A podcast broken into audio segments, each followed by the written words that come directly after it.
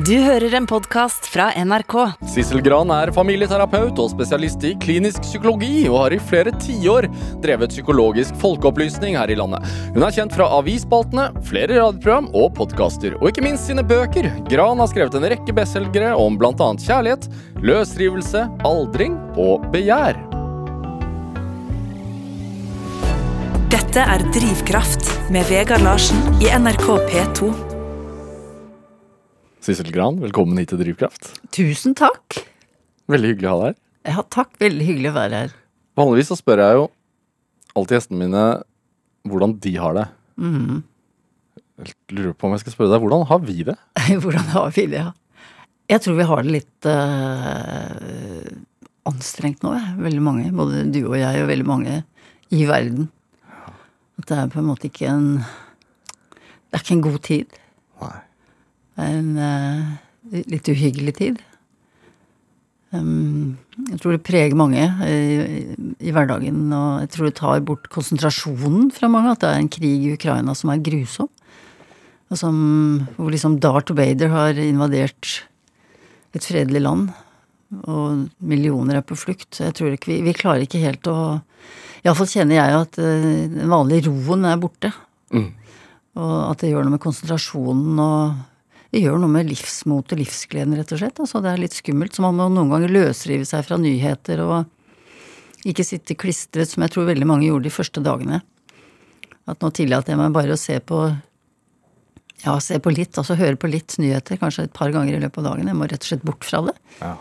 Jeg så nå Politiet hjemme er jo litt eh, redde for at russen i år skal feste i flere måneder. Mhm. Og ikke bare, bare i mai, eh, 17 dager i mai, sånn som de er vant til. Mm. Det er litt lett å skjønne rusen, er det ikke? Jo da, det er det. Det er det, altså. At, eh, Å glemme det hele. Ja.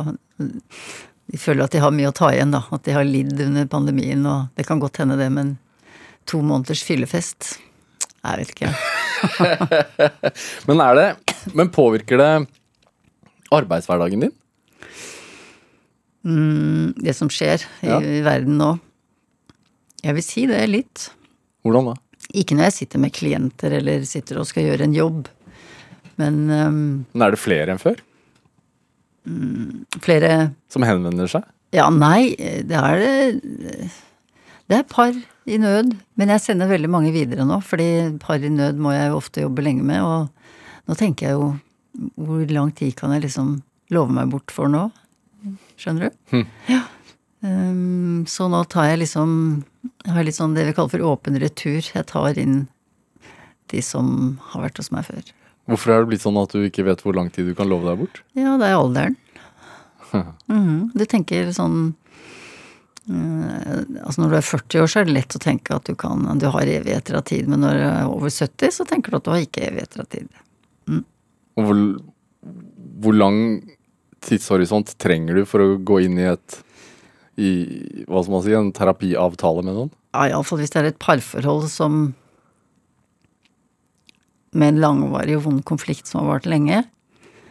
Hvor liksom bestillingen er 'du er vårt eneste håp'. det er ikke Det er jo sånn som ofte tar lang tid.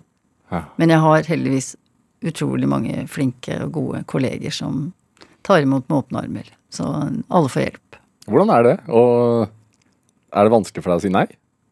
Nei. ikke nå lenger. Nei. Nei, ikke nå lenger. Også fordi nå kommer jo den eh, litt generasjon yngre, altså kolleger, sånn 40- og 50-åringene, som Jeg får ikke snakke om 35-40-åringene, som eh, som- De er liksom midt i det, og, og jeg syns det er fantastisk morsomt og spennende å jobbe med nye par og klienter, ikke sant, og de er bare glad for å få henvisninger. Mm. Ukraina er jo hva skal man si, bare den siste toppen på kransekaka. Eh, det har jo vært eh, to år med unntakstilstand. Ja. Eh, er det Hva gjør det med oss? Ja, det kan du si, altså. Um, vi fikk jo sjokk da pandemien kom. Uh, og vi ikke fikk lov til å være sammen. Og de eldre, altså min aldersgruppe, ble liksom den sårbare gruppen som skulle liksom ble sendt hjem for å redde livet. Det var veldig rart, fordi det er jo en sånn Det er jo en gruppe som Ja. Er liksom reiser og går på litteraturhus og gjør som de vil og Men også er besteforeldreekspressen, ikke sant. Passe barnebarnet, sørge for at familiehjulet går rundt hos de unge foreldrene, ikke sant. Og det, plutselig så var det så var man stengt inne, og de unge fikk ikke gå på skole, ikke sant, og ble sittende der med skjermene sine, og jeg tror at det, Og det varte så lenge. Mm. Jeg tror at øh, for mange så, så ble det en sånn Mange som bodde alene, og, og mange unge, og unge studenter og unge skoleelever. Jeg tror at veldig mange av dem Jeg tror de ble litt rare av det, rett og slett. Og at øh, Hva vil det si? mange av dem har jo kommet liksom ut av hulene sine etterpå da, og sagt at de lurte på der de satt liksom Hvem er jeg nå? Altså at det var et sånn slags identitetstap. Fordi, og det skjønner jeg veldig godt, fordi når ingen ser deg, og du ikke snakker med noen, og du er alene Mange unge studenter var jo alene hele tiden. Og hadde ikke Kunne ikke treffe venner, kunne ikke se noen, ikke sant. Og det er klart at da kan du bli litt rar, i betydningen at du lurer på om du fins. At du kan Og det tror jeg mange opplevde. Altså at de fikk en sånn følelse av å være usynlig, kanskje. Og det er jo veldig skummelt. Eksistensiell Altså reell eksistensiell angst, Mm. Ja, det tror jeg faktisk veldig mange fikk, og det forteller jo mange nå. At, de, at, de, at det var, har vært en veldig hard periode. Så har det vært fint for noen, vet du. Ja. Fordi du har jo Det fins jo introverte folk, altså folk som syns at svære grupper og klasserom og forelesninger er ordentlig strevsomt. Så noen har jo trivs med det. Altså, Og syns det var deilig å slippe å klemme og alt det der vet som vi har snakket om nå i det siste, etter at det åpnet opp igjen. da. Hva med din generasjon, da, som man skulle, Mm. som man skulle redde? ja. De fleste har jo fått korona likevel, da. ja. Men heldigvis etter man har blitt vaksinert, da. Ja da, selv etter tre doser. Jeg er en av de få som ennå ikke har hatt det. Altså, jeg skjønner ingenting. Jeg bare venter på det. Det kan hende du har hatt det. ja ja, det kanskje det. Ja. Men vi tok jo hjemmetester i et kjør, vet du. og Ingen slo ut, bare én strek. Litt skuffende hver gang, egentlig. Var du redd? Jeg var redd i starten, jeg. Før vi, altså, før vi fikk vaksiner, og da, vi, da tenkte jeg at dette her For da var det jo mange som ble syke, og lungebetennelsene florerte, og gode naboen vår døde, og venner ble veldig syke. Ja. Da var jeg litt redd, ja. Litt redd for mannen min og sånn. Mm. Men eh, nå er jeg ikke det lenger. Hva tenker en, Altså, hvilke tanker gjør en psykolog seg når en blir redd? Sånn for å Ja, møte den frykten. ja det er jeg tror det er veldig viktig å bare erkjenne og anerkjenne at du er redd. At ah, nå er jeg redd, gitt. Altså I stedet for å prøve å jazze det bort på en eller annen måte. At du bare la det slippe til litt, og så kjenne på det og, og, og merke at du etter hvert så håndterer du det. Ja. Snakke med noen. Altså det er jo det evinnelige gnålet fra oss psykologer. snakke, snakke med noen. Men det hjelper, det, altså. Det hjelper å snakke med noen, og du kan snakke med folk på telefonen hvis ikke du liksom kan treffe dem, så kan du Jeg tror det er viktig å ha sånne At du har et lite leirbål, da. Ja. Du kan uh, snakke om det du er redd for, og være svak, altså for å være sterk der ute, da, for å si det sånn. Et leirbål hvor du liksom kan lesse av deg litt, og Mm. mm, bli tatt imot og forstått, og hvor det er en gjensidighet. Jeg tenker på den generasjonen som er født et, etter murens fall, altså Mm. kanskje også etter ordet på Lillehammer. Eh, Som jo har hørt eh, masse gnål, holdt jeg på å si, om, eh, om eh, klimakrisen. Som jo er høyst reell, selvfølgelig. Mm, mm. Og så kommer pandemien oppå det. Og så endelig så er pandemien ferdig, så kommer det en krig. Ja. Og så er du kanskje 18 år, eller noe sånt. Mm. Ja, det er, Hva sier man til de, da? ja, det er mye. Jeg tror det er veldig mye for dem. Ja. Det, jeg tenker det er fryktelig viktig å ikke ta fra dem håp. Men jeg tror mange har blitt redde nå. Um, og det, er- det er noe Men du vet at mennesker har også en, en evne til å skyve ting litt fra seg. Altså at vi Og til å la ting prelle litt av. fordi at hvis ingenting preller av, så er du virkelig ille ute. Altså hvis du skal ta inn alt det vonde som skjer i verden, og være liksom hudløst eh, utlevert til alt det smertefulle, så er det vanskelig å leve, altså. Så mm, Det må man hjelpe unge med. At ikke de går hudløse rundt og tar inn alt som er vondt. Smertefullt. Tror du man har sett egentlig følgene av disse årene? Ikke ennå. Nei. Jeg tror det kommer til å Nå blir det nøstetopp i den ene forskningsrapporten etter den andre, vet du. Det er fint, det. Jeg tror at, eh, Og også det som skjer nå i Ukraina. Nå får vi masse flyktninger til landet. Eh, Det kommer også til å Ja, det blir en ny erfaring. Mhm. Så jeg, og jeg tror mange unge er redde for at det skal gå helt galt. Altså når Putin truer med atomkrig eller biologisk krigføring eller og sier at det som foregår nå er en slags hellig krig, ikke sant. Altså går tilbake til 900-tallet for for å rettferdiggjøre sine handlinger og sier at uh, Ukraina og Russland er ett, vi er brødre. Vi skal liksom gjenopprette en sånn slags storhets, et storhetsrike. Det er jo uhyggelig. Vi har jo hørt lignende ting før. Så mm, jeg tror at vi må snakke med innestemme og rolig når vi snakker med de unge nå. Hvordan motivere seg for å studere, for eksempel? Mm. Mm. Ja. For det er jo sånn mange unge tenker er det noe vits i, da? Og det må vi hjelpe dem med. Altså ja, det er noe vits i. Livet, livet blir bedre. Ja. Men det er, jeg er enig med deg. Det er, det er um, det er tankevekkende, altså. Så vi voksne vi må prøve å ikke ta fra dem motet. Prøve å holde motet oppe selv, altså. Ja, ja. Klarer du det? Ja, jeg tror det. Men jeg blir Jeg er ikke sånn superoptimist, altså. Som Jeg er ikke det. Jeg er ikke det, altså. Generelt, eller, eller nå bare? Jeg har aldri vært det, egentlig. Dette er Drivkraft med Vegard Larsen i NRK P2. Og i dag er eh, familieterapeut og psykolog Sissel Gran her hos meg i Drivkraft på NRK P2. Aldri vært særlig optimist, nei. Uff a meg. Ja. ja. Du kommer hit for å få hjelp? Ja, jeg vet ikke. er det mulig? Ja, nei, men det er noe annet, det, vet du. Ja, ehm, altså Du skriver jo stadig vekk bøker. Ja da. Er det for å Hvorfor gjør du det? Ja, det er um, Jeg har tenkt på det mange ganger, for det er veldig slitsomt. Altså, jeg har det ikke sånn at jeg bare sitter her, og så, så renner liksom ting ut av meg, og jeg har en klar plan, en disposisjon, og så liksom skriver jeg veien vei. Nei, det er Har du så mye fritid? Ja, jeg har det, altså. Har du det? Ja, innimellom. Ja, ja. Men eh, skriver jo for å forstå ting.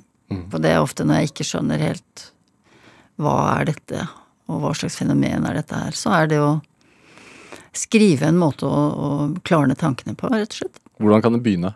Altså sånn, Hvordan kan et prosjekt starte? Det kan starte med Da jeg skrev en bok om aldring, eksempel, så startet det med at jeg jo kjente alderen på kroppen. Mm. Som vi alle gjør når vi blir eldre. Altså, det knakte i knoklene, knoklene, knoklene!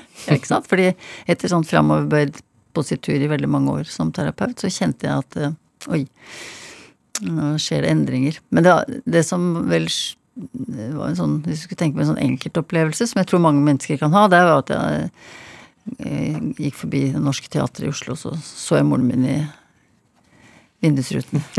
Og hun var jo død for lenge siden. Ikke Ja, sant? Så det- så deg selv. Jeg så meg selv, altså. Ja. Så, så den der kontrasten mellom da, å føle seg litt yngre inni enn man faktisk ser ut på utsiden, det, det slo meg. Mm. Um, og da tenkte jeg jøss, dette må jeg skrive om det. Er det noen som er sin egen alder? Sånn innvendig? Ja og nei, ikke sant. Fordi vi sier jo at alder er bare tall, det sier mange, ikke sant. Du, er bare så gammel som du føler deg. Og det, det På en side så er det tull, men på den annen side så er det noe sant i det. Fordi vi er jo alle vel aldre. Det er du òg, ikke sant. Du har sikkert også femåringen i deg fremdeles, og tenåringen og 20-åringen og Ikke sant. Og kanskje du Hvor gammel er du nå, Vegard? Eh, 41? snart? 41, ja. Ja. Herlig alder, det. Ja, 41. Men innimellom kjenner du at du er yngre eller? Kan du ja. Ja. Mm. Er det situasjonsutløst, da? Blir du Er, du, er jeg i terapi nå, plutselig? Nei da, jeg bare spør. Eh, nei, om det er situasjonsutløsende? Ja, kanskje. Men det handler jo også om det du sier, da. Å se seg selv i speilet. Mm. Eh, Men hvis du hører spesiell musikk da, som du likte veldig godt da Ja, det det så kan du da kjenne at, du at den personen lever inni deg fremdeles? Ja, og så er det kanskje fordi at det er ting som Perioder i livet man veit er ferdig. Altså Mm. sånn Jeg har ikke noe behov for å gå på byen lenger. Altså på den Nei. måten, for eksempel. Nei. Syns det er hyggelig å være hjemme sammen med familien. Ja, Det er nok aldersbetinget, men Mm. også fordi at jeg har fått en familie. da ja ikke sant? Mm. Hvordan føler du det? da? Ja, jeg kan nok føle innimellom at um, jeg er mye yngre enn mine nå snart 71 år. Um, at det er noe Altså at det er, det er et, et yngre jeg som romsterer inni meg innimellom. Og at det er eller heller kanskje kan snakke om at sånn som jeg har det, og som jeg tror mange har det, at det er en sånn form for aldersløshet. Da, at du, det er litt, du er litt den som du, den du var. Du er litt den At det er liksom Man er seg selv gjennom livet. Tror du man føler på alder tidligere nå enn før? Altså sånn det kan godt hende, det. Det kan godt hende. Fordi når jeg spør veldig unge folk, 20-åringer og eh, ja, 25-åringer og sånn, så, så rekker de opp hånda hvis jeg spør liksom om de føler seg litt yngre inni. Ja, det gjør de, altså. De føler seg som 18, kanskje. altså, og jeg husker en sa jeg inni meg så er jeg 12, jeg. Ja, og det, det var i forbindelse med at jeg, jeg spurte Jeg skulle snakke med dem om Det var en studentgruppe. Om den vanskelige kjærligheten. Altså hvorfor finner vi ingen, altså. Ja, hvorfor er det så vanskelig å etablere seg? Altså dette spennet som de opplever, mange av dem, mellom på den ene siden og lengselen etter å finne et ankerfeste, en kjæreste, og samtidig frykten for å miste friheten sin.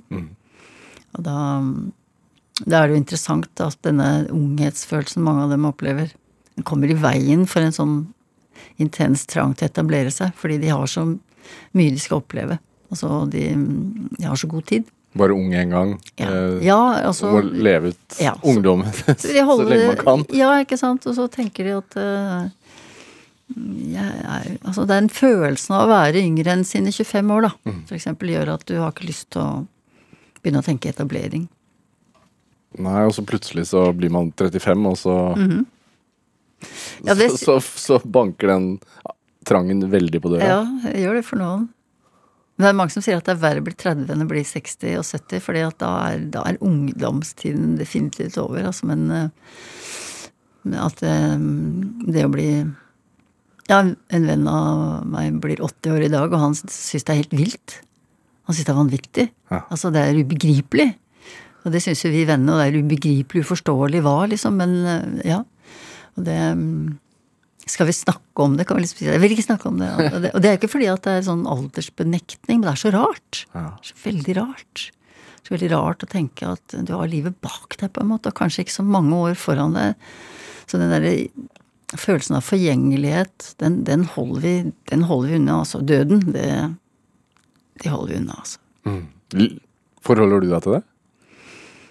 Ja, men jeg tenker Og som jeg snakker med vennene mine om, at vi må ikke begynne å telle ned, liksom. Og bare tenke at det er en ventetid fram til krematoriet, liksom. Det er Det må vi ikke gjøre. Vi må Nå, for eksempel, så er jeg her og snakke med deg. Og er ikke noe annet sted. At det er veldig viktig å Veldig viktig å tenke Telle gleder, altså. Og være til stede i det du gjør. Ja. Det er jo helt latterlig, ikke sant. Det er sånn selvfølgelig Carpe diem, helt forferdelig, det er en klisjé, men det er noe sant i det. Ja. Og jo eldre du blir, jo sannere tror jeg det blir. Hva er de største feilene man kan gå i? Ja, det er vel å ja, lukke livsfortellingen for tidlig, som vi kan kalle det. Altså lukke boka og tenke at nei, nå er det ikke noe særlig mer igjen her å hente. Nå går det Nå er det liksom bare Ja, er det ti år igjen, da, kanskje. Altså hvis du begynner å tenke sånn, eller at du også tenker at eh, har jeg levd livet riktig, da? Eller har jeg grunnen kanskje levd forgjeves? Det er sånn virkelig de store tankeferdene vi kan gjøre. At alt var bortkastet. For jeg gjorde ikke, jeg fikk ikke til det jeg ønsket meg, og jeg skulle blitt gartner, jeg, og hvorfor ble jeg psykolog, liksom? Det tror jeg er veldig viktig å ikke, ikke drive og male på sånne tanker. Så anger og bitterhet, på et vis. Ja, det tror jeg Det har jeg sett noe av, og det er ikke fint. Um, Men heller kanskje tenke nå, nå som jeg har levd 70 år, og venner som har levd lenger ja, dere har hatt et spennende, Det har vært spennende år. Fantastiske år. Massevis av muligheter, massevis av menneskemøter. Tenk så mye interessant jeg har fått være med på. Så mange utrolig morsomme, søte, varme, rare og gærne mennesker man har møtt. Altså ålreit det er. Sånn tenker jeg. Er det viktig å utfordre seg selv? Ja, altså noen mener jo at du må det hele tiden, og du må hele tiden ut av komfortsonen din. Det orker ikke jeg lenger, altså. Syns det er helt lov å være litt i komfortsonen, jeg, altså. Mm. Hvor er din? Hva, hva handler din om? Um,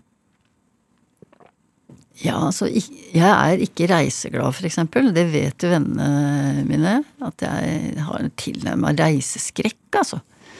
Um, så jeg liker å være i det nære, rett og slett. Jeg har hjemmekontor.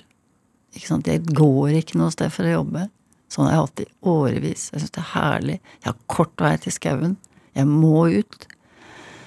Um, Jeg må ut i naturen. Jeg må være i det grønne. Nå kommer våren. Det er fantastisk. Hva, hva, hva, er det, hva er det som er skummelt med å reise, da? Det er ikke skummelt, men det er Det er gørr. Sitte Stå i kø. Vente i sikkerhetskontrollen. Sitte på et fly. Altså, sitte er det verste jeg vet, Vegard. For det har gjort så mye. Sitte og vente. Altså, sånne som tar sånne kanalferier og sitter gjennom engelsk landskap. Jeg hadde blitt sprø, altså. Hvis jeg kunne sykle, da, i det minste. Ja. Ja, men ikke sitte meg gjennom en ferie, altså. Rutiner? Liker det? Nei. Nei? Det hørtes sånn ut da du Nei beskrev da. Nei. Jeg er ikke noe god på det. Nei. Ikke noe god på rutiner. Det beste jeg vet, er å ikke ha en plan. Hvorfor er det så bra? da? Jeg tror kanskje det har vært mye planlegging altså, i livet. Gjennom livet så har det vært veldig mye eh, Avtaleboka har vært full, og det har vært sånn der, der, der, der, der, der, sånn Masse oppgaver i løpet av en dag. Det å ikke ha avtale hver helg, ikke ha masse Altså Det tror jeg Det syns jeg er fint. Er det en fin ting Altså sånn det å, det å lære seg å si nei til ting. Mm. Sånn som du begynte å prate med her, at du sier kanskje nei når du får en henvendelse. Ja, Fordi at du ser at du har ikke tid, men, men kanskje også fordi at du ikke har så lyst Jeg har ikke lenger. lyst til det. Eller fordi at jeg kjenner at eh, det der kan jeg ikke nok om. Ja. Jeg la merke til Susanne Brøgger, vet du, forfatteren. Danske forfatteren. Hun, eh, da pandemien slo til for fullt, så hun skrev et essay om det. Hun har også skrevet om det i en bok som heter Vendepunkter, som er utgitt her i Norge. Så skrev hun at jeg kunne da for første gang i mitt liv uten skyldfølelse sitte hjemme og være i fred, ikke dra rundt på litteraturfestivaler og ha boksamtaler. Jeg fikk mitt liv tilbake. så hun var 77.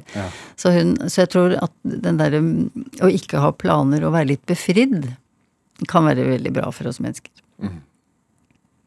Det, det, det med eh, aldring, altså du har skrevet en bok om det, og, og det man føler inni seg, og én ting, men, men du er også opptatt av hvordan man ser på de eldre. Mm. Absolutt. Hvorfor er det så interessant, tenker du? Ja, det er nok fordi vi har, altså Det er ganske mye aldersdiskriminering i vår kultur, selv om vi benekter det. Mange sier at nei, det er ikke det. Alle mennesker er like mye verdt, og alder har ikke noe å si. Og det er bare tøys. For det, det er to, særlig to grupper virkelig som diskrimineres i vår kultur. Og det er folk med funksjonsnedsettelser, som nesten ikke snakkes om i det hele tatt. Og så er det eldre og gamle. Er det fra et visst Altså fra Hvor begynner diskrimineringen sånn aldersmessig? At du kan, altså det som eh, er spesielt, er at i det, i det øyeblikk du begynner å halte, f.eks., eller i det øyeblikk du har en krykke, eller for ikke å snakke om i det du har en rullator, da er det bare det folk ser. Da ser de ikke deg, da ser de krykka. Eller rullatoren, eller for ikke å snakke om hvis du sitter i en rullestol, som Jan Grue skriver fantastisk om, i en liten bok som jeg har her, som heter Hvis jeg faller. Som virkelig handler om, om dette blikket utenfra på Og det å bli på en måte ja, Redusert til en krykke eller Ja, til en rullestol. Og, og hvor livet er et innmari hardt arbeid for å få til selv altså ting som når du er funksjonsfrisk, du tenker ikke på det. Sånn som nå drakk du litt vann av en kopp, og du tenkte ikke på at du løfta den koppen, og du sitter med en blyant, og du tenker ikke på at du ikke sant, Og du sitter godt på en stol der, jeg gjør også det, vi tenker ikke på det. Hvor mye det koster folk som, eh, som har funksjonsnedsettelser, det tenker vi ikke på. Men vi blir veldig oppmerksom på det hvis vi ser f.eks. jeg trener på et treningsstudio, og inn der kommer det noen ganger folk i rullestol for å trene opp overkroppen og muskulaturen. Og armene, og armmuskulaturen. Og da, da, da ser jeg hvordan vi, vi ser bare rullestolen, vi ser ikke det mennesket som sitter oppi der. Det, sånne ting er jeg blitt veldig opptatt av. Også etter at jeg har lest bøkene til Thorvald Steen og til Jan Grue, så har jeg blitt veldig opptatt av diskriminering av folk med funksjonsnedsettelser. Hvorfor er det så viktig å lære seg å se, se bort fra rullestolen eller Ja, krykka? jeg tror det som er viktig for oss, det er jo å tenke mye mer inkludering. Altså å legge til rette. Altså at samfunnet må legges mye mer til rette. Både for folk med funksjonsnedsettelser og eldre og gamle og gamle gamle. Så det, og det gjør vi ikke. Det gjør vi ikke. Vi sier at vi gjør det, men vi gjør ikke det. Føler du på det? Hm? Du føler jo ikke på det, tenker jeg. Jeg tenker jo Nei, jeg tenker Nei, altså nå Nei, ikke enda. Men det kommer, ikke sant. For på et eller annet tidspunkt så så vil jeg jo også altså I det øyeblikk du begynner å få et eller annet, eh, og du liksom blir mer skrøpelig og sånn, Ja. skal jeg love deg, det slår inn, altså. Og det slår inn hos mange som en form for skam, skjønner du. At du skammer deg over ikke liksom være fresh. For det er et veldig sånn krav i vår kultur om å være fresh og fit. Og være liksom se ung ut og være liksom du har, Det er en sånn slags leveplikt, vet du. At du skal eh, Og myndighetenes rop er jo hele tiden det, altså. Du, Hold deg i gang! Har det endret seg? Ja, ja. Før så var det å bli gammel, det var jo helt naturlig, det. Men det er ikke naturlig lenger. Nå er det helt merkelig. Det. Å, å dø er jo nærmest et nederlag. Nå feilet, feilet det han i livet også. Ja, ja, jøss, liksom. Ga han opp nå? Ga opp. Og det, og det dårlige nedslaget. Han hadde jo vært syk i måneder før. Nei, altså, så det, vi har en Jeg syns det er litt brutalt. Ja. Så jeg er litt opptatt av det, ja. Men også det å ikke føle seg usynlig, da. For det er nok eh, gruppe. Ja da, det tror jeg. For det, mange eldre og gamle føler seg ganske usynlige. Altså det, det er altfor lite rynke på TV, f.eks. etter min smak. Eh, Sissel Gran, jeg vet jo at du er glad i å gå i skogen. Er det et produkt av å bli eldre, eller har det alltid vært det? Det har jeg alltid vært veldig gæren etter. Ja. Fra- Det. Nei, for jeg vokste opp med det. Ja. Hvor vokste du opp? Jeg vokste opp i Hønefoss, Rett ved på Ringerike. ja, Altså med mye natur rundt? Masse natur, vet du. Og det var jo én bil i gata, ikke sant. Og det var elva som rant rett forbi, og eng. Det var ikke jorder, det var eng. Ja, det var masse jorder, selvfølgelig, og masse åkerlandskap og sånn, men det var jo eng. Skog, bekker, villbringebær, blåbær, tyttebær. Fugleliv. Masse, og mye mer enn det der nå. Og det er jo ganske skrekkelig når du blir eldre, å se hvordan det reduseres. Og nå har du jo også bosatt deg nær skauen. Ja da, for det, jeg ville det. Være i nærheten av Østmarka. Hvor, hvor mye terapi er natur? Veldig mye for veldig mange. Ja. For det, det, det vet vi bare du har Ja, hvis du sitter på et sånt steinørkenkontor hvor det bare er hvis det, hvis det er et tre på utsiden av vinduet ditt, så har du litt bedre, altså litt lavere puls enn om du ikke ser noe grønt i det hele tatt. Er det sant? Mm. Det er beroligende. Planter inne også, er det samme Ja. Ja. Mm. Vi er natur, ikke sant? Det glemmer vi jo. ja. Ja, vi er det. En del av det svære kretsløpet. Så for meg så er det veldig sånn, hvis jeg er sliten, stressa eller sånn, det å gå ut. Ikke med øreklokker. Ikke med mobiltelefon. Men høre og se. Hvor lenge om- gangen? Hvor lenge jeg må gå. Ja. Om jeg bare kan komme meg ut på enga rett ved der jeg bor i ti minutter, så hjelper det, altså. Da kjenner jeg pulsen går ned. Og så veit jeg at du er, er glad i fugler. Hvorfor er du så glad i fugler? Det er De er så nær oss hele tiden. Vi ser ikke ville pattedyr, så vi ser et ekorn kanskje, og vi har for tiden en rotte i hagen som vi syns er en ganske artig type. Du, de, dere tenker det? Ja, vi kaller den rotte. Hei, der er rotte. Ja, ja da, det, naboene liker jo ikke det, men, men altså, det, vi ser ikke Vi ser katter, da. Det er jo ikke Det syns jeg ikke er så gøy. Men eh, Det er bedre med rotta. nei da. Nei, men når du ser katter, så tenker du på fuglene Ja, dine. Ja, Ja. Fordi fugler er så nær oss, ikke sant? og de er der hele tiden. Vi hører dem hele tiden. Um, og, det, og det er veldig Veldig, tenker jeg, beroligende. Altså Og fint. Og når du hører kjøttmeisen, den kommer i februar, ikke sant? Ja. Han sitter i toppen av et tre, det er iskaldt. Der sitter han og sier ti-ti, ti-ti, ti-ti, ikke sant, og roper på en make og sier at her er mitt revir. Det er jo fantastisk å høre den eh, lille knerten der, som da minner oss på at nå blir det bedre tider. Men er du sånn Driver du og koker fett og lager sånn Sånn spekk, spekk, spekk med frø i og sånn, og setter ut? Eh, Nei, Nei. det har hendt, men eh, det blir mest å kjøpe det, ja. Ja. Også, men har du fuglekasser? Fuglekasser, fuglematere, overalt i hagen og Og Sitter inn, innafor og ser ut, da?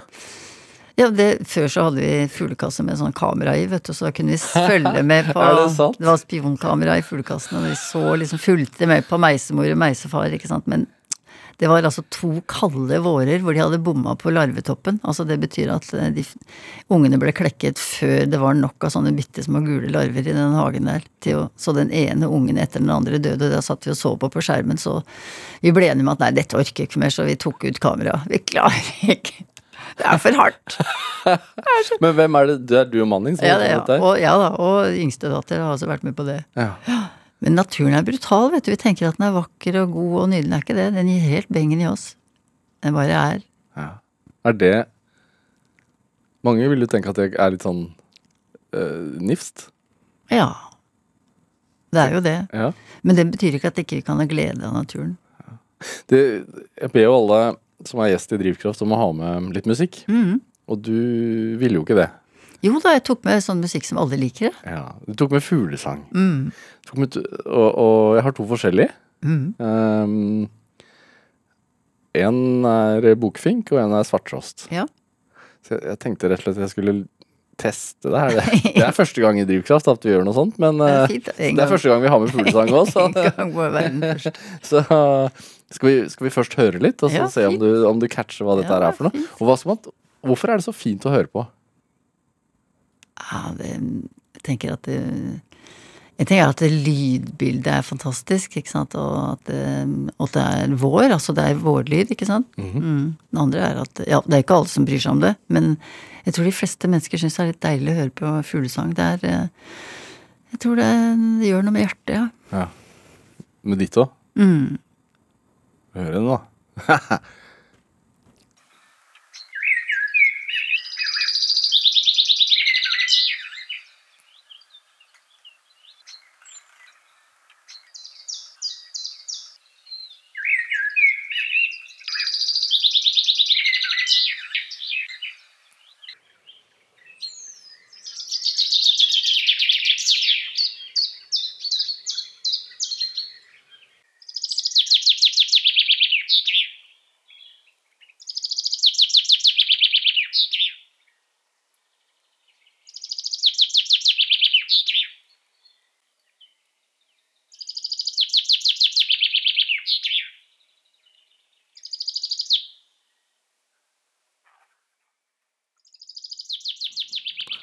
Du har skrudd på P2 nå og hører på Drivkraft, så hører du, får du også Det er ikke noe gærent med radioapparatet ditt. Du hører altså fuglesang her i Drivkraft i dag, fordi psykolog Sissel Gran, som er min gjest i Drivkraft, eh, hun har med fuglesang hit. Og hva er det vi hører nå, Sissel? Hva slags, hva slags fugl er dette?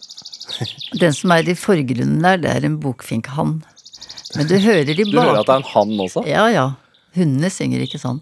Men i bakgrunnen så hører du også en eh, Du, hører, du hørte kanskje sånn chiff-chaff, chiff-chaff. Det er en sånn gransanger så i bakgrunnen der som har en sånn veldig sånn rar liten klokkelyd. Jeg tror helt i starten så lurer jeg på eh, om det var en uh, svarttrost der. Men altså, du hører flere fugler samtidig, men, uh, men i forgrunnen så hører du altså bokfinken. Den er kommet nå. Ja. Hvordan har du lært deg dette her? Nei, det har jeg alltid vært opptatt av. Men jeg har gått på fuglesangkurs, da. Ja vel. hmm. Er det Altså Og du deler jo dette her da tydeligvis med mannen din, siden dere har satt opp kamera. og sånn. Hvor viktig er det i et parforhold å dele finurlige hobbyer? Du vet, Det behøver ikke å være så viktig, det, men det kan være en veldig berikelse. Altså at man er opptatt av, det, av den samme verden. Ja. Ja, For det de som ikke er opptatt av den samme verden i det hele tatt, kan, det kan noen ganger være et stort problem. Andre ganger en styrke. Altså at uh, man aksepterer helt at, uh, at han er, eller hun er kjempeglad i sport, og at den andre er veldig glad i noe annet. ikke sant, I blomsterdekorasjon eller noe sånt. At uh, man kan beundre hverandres ulike verdener. Men, men de som har en felles verden, de har en Det er en ganske fin grunnmur. Altså å like noe sammen veldig godt. Skal man lete etter det? Ja, ja, kanskje det. Altså fordi iallfall par som føler at fellesskapsfølelsen begynner å svinne hen, bør kanskje finne på noe å gjøre sammen. Altså, for det vet vi at det binder. Altså hvis man gjør noe, særlig hvis man gjør noe nytt sammen. Um, og sier ja til noe den andre foreslår, for eksempel. Så kan det være gi en sånn styrket følelse av et felles vi, Ja. rett og slett. Tvinge seg selv til å være åpen for et forslag, rett og slett? Ja, for det er jo Det er jo liksom en, hva skal vi si, en sånn nøkkel i all god improvisasjon, og et parforhold er jo det. Det er å si ja noen ganger i stedet for å si nei. Altså rett og slett forandre din egen plan og si ja til den andre. At ok, la oss gjøre det. La oss eh, dra ned til fjorden der og så stupe ut i det iskalde vannet og så leie en sånn sauna en time, da. For det gjør jo mange par nå. De får, de får seg en kald dukkert, men de får seg også en utrolig varm opplevelse. Ja, og noe. Alle bør ikke gjøre det, altså. Det er ikke det jeg mener. Men en sånn felles ting. Gjøre noe sammen. Gjøre noe felles. Ja, delte dere i utgangspunktet fugleinteressen? Jeg var vel mer fuglegæren enn mannen min, tror jeg. Men han var jo helt med på det. Og er jo like glad i å gå i skogen. Han er jo et naturmenneske. Som uh, elsker å Eller gjorde. Han går på ski og beinet innover, ikke sant. Og det spiller bandy, og han har alltid vært veldig sporty. Ja. Så det er ikke jeg. Er det Når du har dykket ned i, i, i den vanskelige kjærligheten i så mange år som du har gjort, og vært både samlivsterapeut, men også spaltist om det, og skrevet bøker om det, Mm. er det fremdeles interessant? Å ja. Det er veldig interessant. Hvorfor er det så vanskelig med kjærligheten? I går var jeg her i, NRK og spilte inn en episode av Havarikommisjonen. Altså hvor vi undersøker hvorfor gikk det galt med dette parforholdet. Og det var et veldig rørende par som hadde Ja, som hadde avsluttet sitt forhold. Hvor vi da ser på liksom Hvor er de liksom punktene hvor det går galt, ikke sant? Og, og der hvor det Og det er jo eh, alltid interessant. Eh, men det er også veldig interessant hvor kan man liksom sette inn støt og gjøre liksom at å få, få folk ut av sånne rundløyper som de havner i, altså med de samme bebreidelsene og de samme vonde tingene, ikke sant, hvor man blir så skvetten, altså i et parforhold at det skal ingenting til før liksom man er inne i en krangel eller en sånn vond avvisning som er veldig vanlig. Og det som er spennende og interessant, syns jeg fortsatt, er å prøve å skjønne hvorfor havner de der. Eh, som en sånn slags naturlov, liksom. Og hvordan kan man Hva må til for å hjelpe dem til å se at de har havnet der? Og hvordan hjelpe dem til å unngå å havne der igjen? Eller begynne å bryte det mønsteret. Jeg kaller det for en sånn strindbergsk dødsdans, ja, altså, som er en kamp på stedet hvil som veldig mange par driver med. Så det er veldig spennende, interessant, og noen ganger hjerteskjærende å være vitne til når de ikke klarer å slutte med det. Og det er kanskje en sånn aldringstegn når du blir en gammel terapeut. Så, ikke sant? Så åh, tenker nei, nei, nei. Dette har dere ikke tid til, liksom. Nei. Og jeg hadde et veldig eldre par en gang, hvor de holdt veldig på med en gammel historie, en gammel utroskapshistorie fra steinalderen, ikke sant, og det Og jeg nesten sa, jeg tror jeg sa til slutt at dette har dere ikke tid til, altså. For jeg, så mange år har dere ikke til å fortsette å slåss om dette her, skal vi være enige om det. At uh, nå må vi finne en måte å gå videre på. Mm. Og da kan gå videre og enten være å legge det bak seg, Legge det eller, bak. eller eller bare å ja, slutte å gnage Eller på det. bryte opp. Bryte opp, eller slutte å gnage på det. Og ta imot liksom den andres bønn om tilgivelse, da. Men er det ikke de samme problemene som går igjen om og om igjen? da? I parforhold? Ja. Jo da. Veldig mye av det som man klager over eller strever med et parforhold, det kommer aldri til å endre seg. Og det er et poeng å akseptere. Så ja. Jeg har en mann som ikke kan lukke dører, eksempel. Det går ikke. Er det vanlig? Ikke, greier ikke å lukke skuffer, ikke skapdører, ikke dører. Det går ikke. Så i stedet for at jeg skal rase over det nå på snart 30. året, så bare lukker jeg de skuffene og lukker de dørene. For han har så mye annet som er helt fantastisk, så det, men der, har det, der er det en sånn da har man kommet langt, hvis man har begynt å lukke de selv. Ja, altså hvis han hadde gjort det Ja, ja, nei, nei, ja, Hvis han hadde begynt å lukke dem, hadde jeg blitt veldig forskrekket, altså. Men er det Vi, vi snakker jo om litt det å være ung i dag, og, og at man føler på at man skal være yngre litt lenger. Mm. Er det er det også vanskeligere å Eller får du inntrykk av at det er vanskeligere for, for, for folk å binde seg i dag? At de har bindingsangst, at de vegrer seg. Det kan se sånn ut. Iallfall at de venter lenger, da. For det gjør folk. De venter lenger med å etablere seg sånn ordentlig. Um, det kan nok handle om at det er en større grad av forbeholdenhet ute og går. Frykt for å velge feil, og frykten for å gå glipp av noe. Og i alle liksom datingappene så Tinder-universet, så er det kanskje mange som tenker at ja, men bak neste sveip, så er det neste sving, så er det kanskje noe som er bedre, så Hva syns du om de appene? uff. Ja, altså jeg vet at noen har funnet kjæreste der og fått det veldig bra.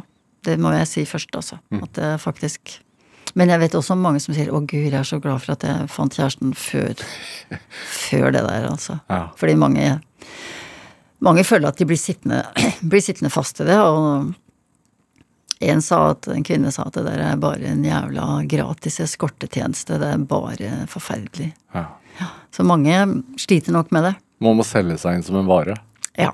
Det er eh, litt Altså, jeg syns det er mye sånn konsumerisme i det, altså at du Og så tror jeg at veldig mange tør nesten ikke å liksom flagge hva de faktisk leter etter, og hva de trenger. Altså at de er redde for å virke needy og klamrete og krevende og tør å si at det egentlig er lengter etter en kjæreste, lengter etter kjærligheten, ikke sant. At det er farlig å si det, fordi da det er et svakhetstegn, liksom. Fordi vi skal jo være så selvstendige og greie oss på egen hånd og klare oss uten noen og man er da et moderne menneske, liksom. Vi er ikke det. Vi er ikke noe særlig moderne.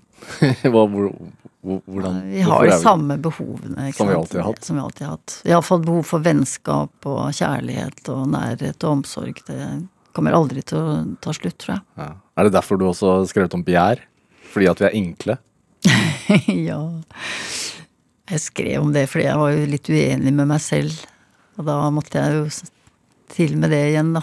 Jeg tenkte at det er jo ikke bare tilknytning og nærhet og omsorg og omtanke og varme som liksom er Det vaksinerer oss ikke mot eh, at vi noen ganger gjør ting vi ikke burde gjøre, altså, som jeg jo ser veldig ofte skjer i parforhold. At folk kommer da til parterapeuten og har begått unevnelige handlinger med naboen eller på et seminar eller ja, vært utro og skjønner ikke seg selv og sier 'jeg forstår ikke', og det var liksom ikke meg som gjorde det, altså. Kan du begripe det? Og det, denne følelsen av at det er noe annet i deg som har liksom tatt over, den, den har mange følt som har vært der. Altså at, at det er ubegripelig. Altså at det er vanskelig for mange av oss å romme det motsetningsfylte i oss, da. At vi skjønner ikke helt fra en idé om at vi er så rasjonelle og vi liksom, skal være hel ved, men vi er ikke det. Vi er ikke det. Vi er styrt av mange ting, også. Og jo mer Jeg tenker at jo bedre kjent vi blir med det, altså de litt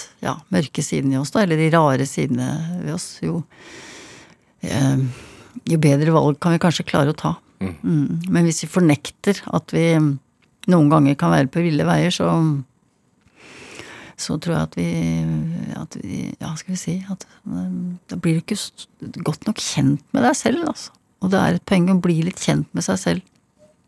Også for å verge seg, og også for å kunne håndtere uforutsigbare og vanskelige situasjoner som vi vil komme opp i, noen enhver, i løpet av livet.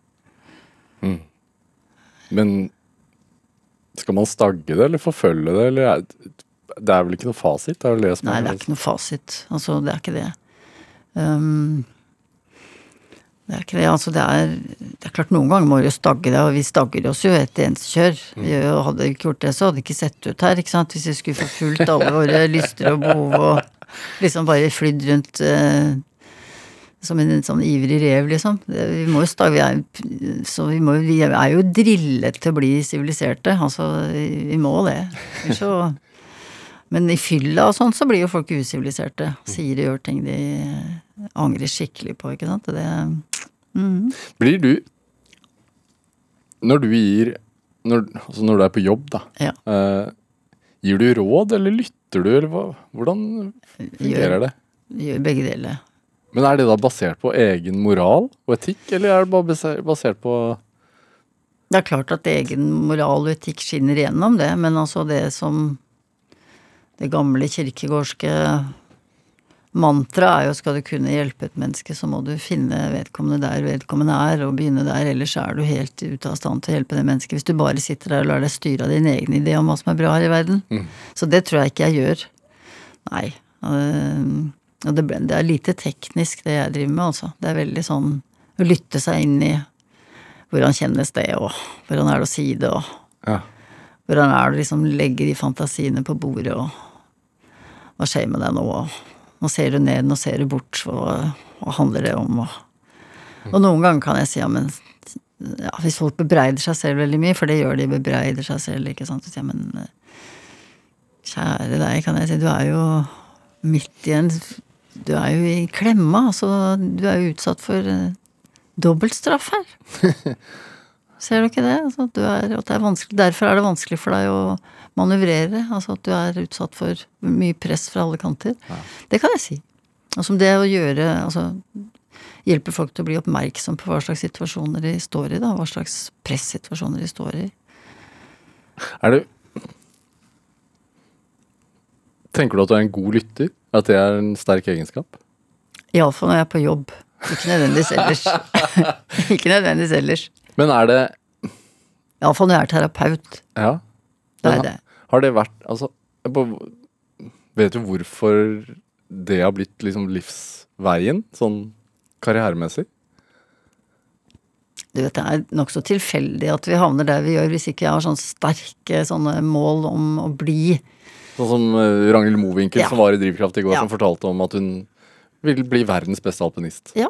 Og da er det, da har du liksom, da er det det du går for, altså. Det, og det er jo mange sånne mennesker som har veldig sånne klare mål om hva de vil eh, greie å utrette og sånn. Sånn var ikke jeg. Og jeg tror veldig mange ikke er det. Altså de, de mer Man drives litt rundt eh, med havstrømmene. For meg så var det sånn bare et ord om det, kanskje. Jeg var veldig opptatt av vennskap. Altså og at jeg begynte å studere. Jeg tenkte jeg må jo begynne å ta en lang utdannelse, for jeg kan ikke slippes løs på folk eller bli lærer eller noen ting. Jeg kan jo ingenting, tenkte jeg da, da jeg var sånn 18-19-20. Og da vennene som jeg traff på universitetet, som fortsatt er mine venner, da noen av de ville ta psykologi i grunnfag, så tenkte jeg nei, jeg ville jo ikke det. Jeg ville jo ta språkfag, jeg. Jeg ville jo lese, jeg ville jo drive med det som jeg elsker, og så jammen meg skulle de bli psykologer, eller psyk- bli psykologer skulle studere psykologi. Så da tok jeg grunnfag, og så fortsatte de, og da tenkte jeg, jeg kan jo ikke Så jeg forfulgte det vennesporet. Da får jeg bare henge med, da. Og så ble jo det veldig interessant, da. Ja. Mm. Hva er det mest interessante? Med det å være psykolog. Ja. Ja, Det mest interessante er at du blir invitert inn i menneskers eventyrlige, ver- merkverdige verden, ikke sant? Som er så eventyrlig og merkverdig noen ganger at du vil ikke tro at det er sant. Um, så virkeligheten er jo gøyere og rarere enn um, all fiction. Så det er jo uh, Og det å forsøke å forstå, det å sitte sammen med mennesker og skjønne liksom livet, hjelpe dem å forstå noen av de handlingene de begår, og, og bli invitert inn i livet deres. Det er jo en stor glede og en stor ære, og noen ganger et slit. For det er vondt å se på. Er det viktig for deg å hjelpe? Det har vært det, iallfall. Ja. Eh, Det har det vært, altså. Men jeg tror ikke det er sånn at alle som blir psykologer, liksom har den der hjelpegenet så veldig present. Det er mer det utforskende genet, tror jeg. Altså at du har lyst til å finne ut av ting og skjønne ting. Det tror jeg veldig mange ser mange av mine unge kolleger som er så flinke som bare det. De er ekstremt eh, kunnskapstørste. Altså det er et kunnskapsbegjær hos dem som jeg syns er veldig morsomt. Eh, et hjelpebehov, ja, men kanskje først og fremst eh, å forstå den menneskelige syke, og forstå eh, hvorfor vi handler som vi gjør. Hva med en selv? Ja, forstå seg selv det er jo kjempeviktig, og det har du veldig rett i. Det er et veldig viktig poeng. At du kan ikke være en god terapeut hvis ikke du har en slags kunnskap om hvem du er, og hvorfor du gjør som du gjør. Så det å jobbe med andre gjør jo også at du, du må hele tiden du, Hva skal vi si, du møter deg selv hele tiden. Mm. Det er et viktig, veldig viktig. Der blir du jo aldri utlært. Tror du at Sissel Gran nå, altså i 2022, vil gi andre råd enn for da du startet, for, for 40 år siden? Det kan du bare vedde på. Ja, Ja. Hvorfor det? Jo, fordi jeg har lært meg mye mer tålmodighet og mye mer å lytte meg inn i folk enn det, enn det jeg var opptatt av da jeg var mye, mye yngre. Mm. Jeg startet jo ut med å jobbe med rusmisbrukere som var virkelig dårlige, ikke sant. Og da gjaldt det noen ganger bare å hjelpe til å stable dem på beina, være veldig praktisk og pragmatisk i arbeidet med dem. Ja. Ja. Og vi jobbet jo med folk i aktiv rus. Um, og da var det ikke alltid så Ja, altså det viktigste da noen ganger, det var jo å redde dem i en del forferdelige situasjoner, rett og slett. Altså. Og bygge et sånn slags nettverk rundt dem. Det er annerledes enn med et par på 60 som kommer inn på kontoret ditt og er ekstremt skuffet over hverandre. da må det da, Hva skal vi si? Da er det andre ting som trer i kraft i meg, iallfall. Har behovet vårt for lykke endret seg?